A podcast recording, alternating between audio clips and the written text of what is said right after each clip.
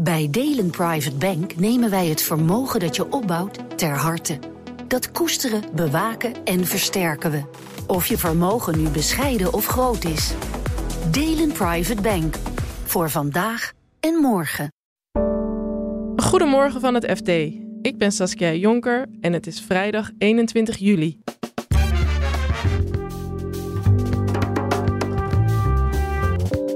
Rechter heeft een officier van justitie in de zaak Wesky van de zaak gehaald. Onderzoeksrechters hadden tegen haar gezegd dat mag je niet delen. En toen meldde zij, nou dat heb ik al gedaan. Onze goed geïsoleerde huizen worden steeds warmer. Je ziet dus ook dat mensen in nieuwbouwhuizen best wel vaak een airco aanschaffen. Maar dan doe je dat hele klimaateffect van zo'n duurzame woning teniet, want die airco's vreten stroom. En gemeenten krijgen steeds minder geld uit Den Haag. Nou, dat zorgt ervoor dat, dat gemeenten dus eigenlijk een beetje in paniek raken over de financierbaarheid van hun eh, activiteit. Dit is de dagkoers van het FD. De rechtbank grijpt hard in bij het strafrechtelijk onderzoek naar advocaat Ines Wesky. Volgens de onderzoeksrechters ging het Openbaar Ministerie de mist in. Onderzoeksjournalist Bart Mos vertelt eerst welke fouten officier van justitie maakte. Ja, de, documenten die door de geheimhoudersofficier zijn, zijn gedeeld met haar collega's binnen het uh, landelijke pakket. Dat is uh, de, het onderdeel van het OM dat het onderzoek naar Wesky uh, doet. Die stukken hebben betrekking op de doorzoeking die heeft plaatsgevonden op het kantoor van Ines Wesky. Dat is de advocaat, althans de voormalige advocaat van meneer Taggi. En die stukken vallen onder het geheimhoudingsrecht van Wesky, stellen de onderzoeksrechters. Dus de rechtbank die zegt, die vallen onder dat uh, geheimhoudingsrecht. Hoe nu verder? Hoe reageert de rechtbank verder? Welke consequenties verbinden ze daaraan? Ja, de rechtbank heeft, zo blijkt uit een persbericht van de advocaten van Wesky, uh, beslist dat de geheimhoudersofficier dat ze daar niet meer mee wensen samen te werken. Bovendien moeten de stukken die uh, bij het OM zijn beland en, en zijn rondgedeeld, zeg maar, die moeten vernietigd worden. En hebben de rechtercommissarissen er vertrouwen in dat een nieuwe officier dit beter gaat doen? Nou, kennelijk niet, want zij willen helemaal niet meer met een geheimhoudersofficier samenwerken. Alle stukken gaan terug naar de onderzoeksrechters. Alle stukken die in beslag zijn genomen, de verslagen daarover, die gaan terug. En dan in overleg met de advocaten van Wesky wordt dan een selectie gemaakt uh, van de stukken die nodig zijn voor het onderzoek naar Wesky. En de andere geheimhouderstukken die dus geen betrekking hebben op dit onderzoek en die dus buiten het onderzoek moeten blijven. Dat klinkt als een, als een, uh, ja, een tegenslag voor het OM. Wat is de reactie uh, van het Openbaar Ministerie hierop? Ja, het OM stelt, uh, en dat stelt ze al eigenlijk een paar dagen, dat ze helemaal niks fouts hebben gedaan. Want de stukken die zij gedeeld hebben, vallen volgens het OM helemaal niet onder de geheimhouding van, van Wesky. De onderzoeksrechters hebben geen restricties aan die stukken verbonden. Dus zegt het OM, daarom mochten wij die stukken gewoon delen. Ja, ze gingen er eigenlijk vanuit dat, uh, dat er geen enkele beperkingen daaraan verbonden waren. Nee, inderdaad. Maar dat is een beetje gek, want als de onderzoeksrechters iets verstrekken aan de geheimhoudersofficier, dan is de bedoeling, en dat kun je ook wel een beetje opmaken uit haar uit de naam van haar functie. Ja, de functieomschrijving geheimhouders. Geheimhoudersofficier, ja. dan dient, dient zij dat geheim te houden, tenzij de onderzoeksrechters aangeven dat uh, zij dat vrij mag geven. En dat hadden die onderzoeksrechters dus niet gedaan. Sterker nog, de onderzoeksrechters hadden tegen haar gezegd dat mag je niet delen. En toen meldde zij, nou dat heb ik al gedaan. Hey. En dit klinkt als gevoelige informatie. Hebben we enig idee waar het over gaat? Om wat voor soort stukken dit, uh, dit gaat? Nou, het zijn, het zijn uh, processen verbaal van uh, bevindingen die, die uh, onderzoeksrechters hebben opgesteld naar aanleiding van de doorzoeking bij Wesky. En daar kan echt van alles in staan. Daar kan een beschrijving in staan van wat ze daar hebben aangetroffen. Daar kunnen bijvoorbeeld namen van cliënten van uh, Wesky in staan. Dat weten we niet. Maar wat we wel weten is dat die onderzoeksrechters hebben bepaald dat die informatie geheim moet blijven. Dus het OM kan deze informatie definitief niet meer in, inzien? Nee, het OM moeten deze stukken vernietigen. Alleen het probleem natuurlijk met stukken is dat als je ze leest uh, en ze daarna vernietigt, ja, dan zitten ze nog wel in je hoofd. En hoe gaat de zaak Wesky nu verder? Nou, in ieder geval zonder geheimhoudersofficier. En uh, ja, als alle stukken zijn gelezen en als het onderzoek is afgerond, dan zal uh, waarschijnlijk eind dit jaar een regiezitting plaatsvinden. En dat is dan voor het eerst dat er dingen in het, in het openbaar worden uh, uitgesproken over het onderzoek uh, Wesky. Onze duurzame huizen blijken niet gebouwd op hete zomers. En daardoor hebben steeds meer mensen tijdens deze maanden last van extreme warmte in huis. Je hoort klimaatredacteur Orla McDonald. Nou, je ziet dat nieuwbouwwoningen de laatste jaren ontzettend goed uh, geïsoleerd zijn, omdat ze aan allerlei strenge isolatie-eisen moeten voldoen. Ze worden ook niet meer op het gas aangesloten. Maar daardoor ontstaat nou een nieuw probleem dat ze in de zomer, eh, doordat ze zo goed geïsoleerd zijn, kan die warmte ook niet meer naar buiten. En nu het zomer steeds warmer wordt, um, ja, heb je eigenlijk, is er sprake van oververhitting in zo'n huis. Omdat er weinig is gedaan aan een koeltesysteem of aan zonwering. Je ziet dus ook dat mensen in nieuwbouwhuizen best wel vaak een airco aanschaffen. Maar dan doe je dat hele klimaateffect van zo'n duurzame woning teniet, want die airco's vreten stroom. En hoe groot, is er iets te zeggen over hoe groot dat probleem is? Nou, er is onlangs een onderzoek gedaan van zes regionale GGD's naar alle woningen in Nederland, dus niet alleen nieuwbouw. Daaruit bleek wel dat 51% eh, van de mensen moeite heeft uh, om het huis koel te houden. Dus dat is meer dan de helft. En in de stad is dat zelfs 60 procent. Dus het gaat wel om een groot probleem. En een steeds groter wordend probleem naarmate de zomer steeds warmer wordt. En je zegt van uh, mensen schaffen een, een airco aan. En zijn er nog andere dingen tegen te doen eigenlijk?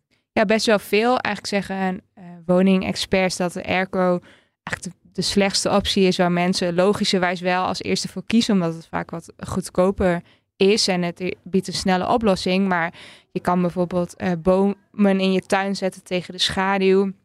Je kunt uh, zonwering uh, nemen in de vorm van grote luiken of gewoon zonneluifels. Je kunt op je dak meer groen zetten. Dat is met name als je een plat dak hebt gordijnen eh, binnen helpen, kunnen ook al goed helpen. En er zijn ook wel wat luxere systemen. En dat zie je nu ook wel steeds meer bij nieuwbouwhuizen die nu worden opgeleverd. Dat ze vaak een warmtepomp hebben die ook kan koelen. En dus dan wordt je vloer ook gewoon lekker koel in de zomer.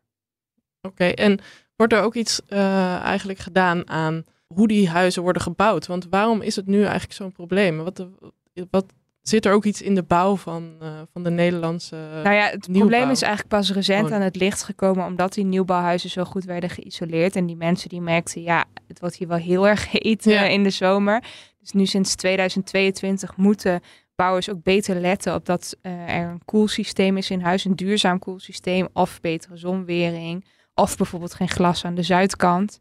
Uh, maar um, waar, waar, nog niks aan gedaan wordt, is nu een hele groep huizen die verduurzaamd wordt en die van het gas afgaat.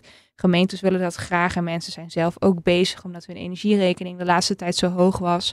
Alleen als je alle kieren dicht en je zet dubbel glas en je isoleert hem maar door en je doet verder niks aan koelte, dan kom je in de zomer, loop je in de zomer tegen dit probleem aan waar heel veel mensen nog niet over nadenken. Dus het is een probleem dat eraan komt waarvan uh, bijvoorbeeld uh, ja, uh, de Woonbond, maar ook Vereniging Eigen Huis zeggen van het moet uh, sowieso veel meer in, het, uh, in de gedachten van mensen en van bouwers zitten dat je iets aan koelte moet doen, maar misschien ook wet en regelgeving dat je uh, niet zo snel teruggrijpt op zo'n vervuilende airco.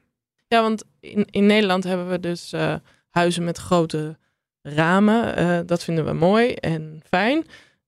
hoe doen ze dat eigenlijk in, in andere landen waar al veel langer ze te maken hebben met hele hete zomers, zoals in Spanje of Italië? Daar zie je een heel andere bouwcultuur. Huizen hebben daar echt wel kleinere ramen. Um, die ramen staan ook niet altijd uh, op de zuidkant. Uh, de muren zijn heel erg dik, de huizen zijn vaak wit.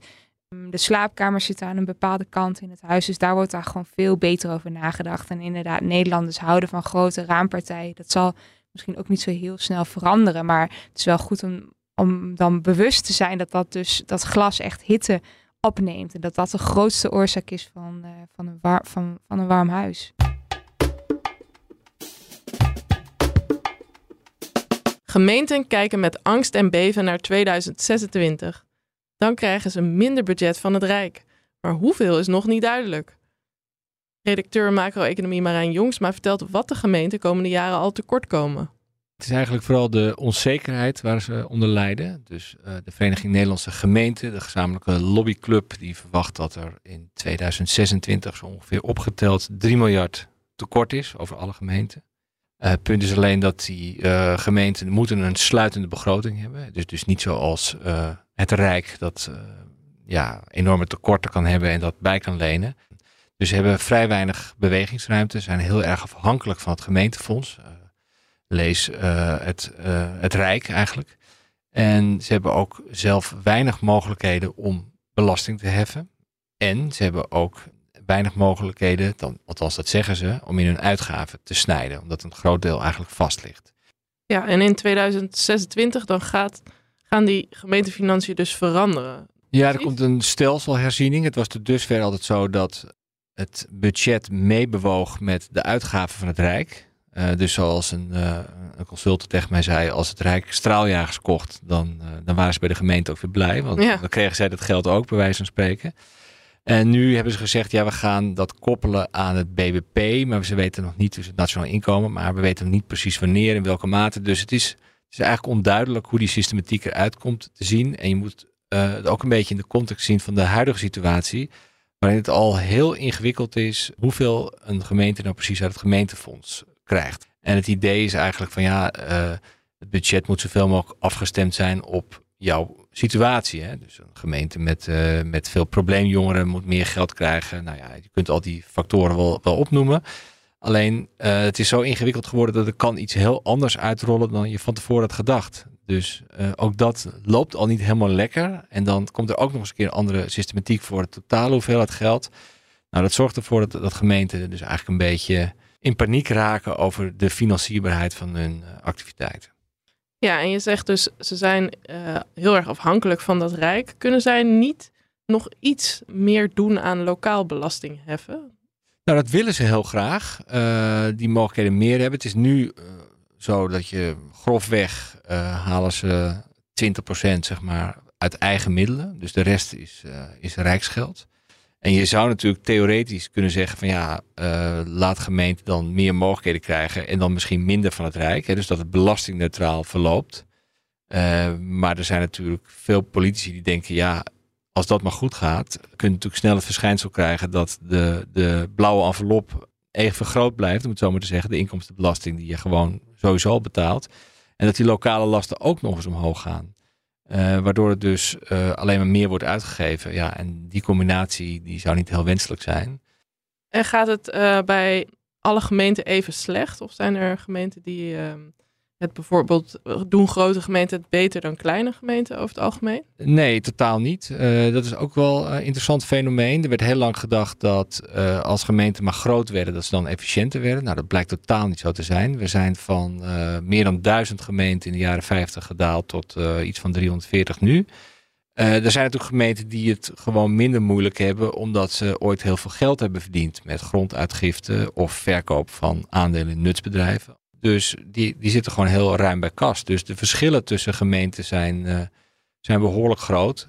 En dan hebben we het alleen nog maar over het geld. Maar als je kijkt naar de bestuurlijke cultuur, die is ook gewoon heel verschillend. Sommige gemeenten zijn gewoon toch efficiënter, gaan toch beter met hun geld om dan andere. En wat kunnen die gemeenten nu doen om daar iets aan te veranderen? Wat, wat verwacht jij dat ze gaan doen? Nou, ik denk uh, nu we natuurlijk in een uh, bestuurlijke impasse zitten in Den Haag, uh, zal de, de lobby in een hogere versnelling zijn gezet.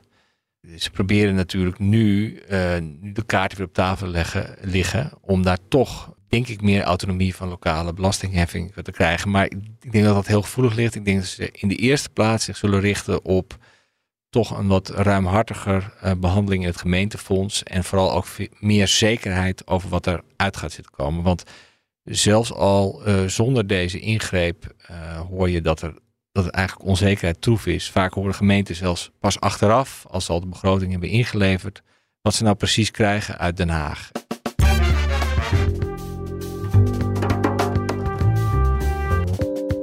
Dit was de dagkoers van het FD dagkoers gaat vier weken met zomerstop. Op maandag 21 augustus zijn we weer terug. Ondertussen kun je wel luisteren naar onze nieuwe serie Hoe blijft Nederland geld verdienen? Waarin redacteuren Pieter Kouwenberg en Bert van Dijk de toekomst van onze economie onderzoeken. Voor nu een hele fijne dag en graag tot in augustus.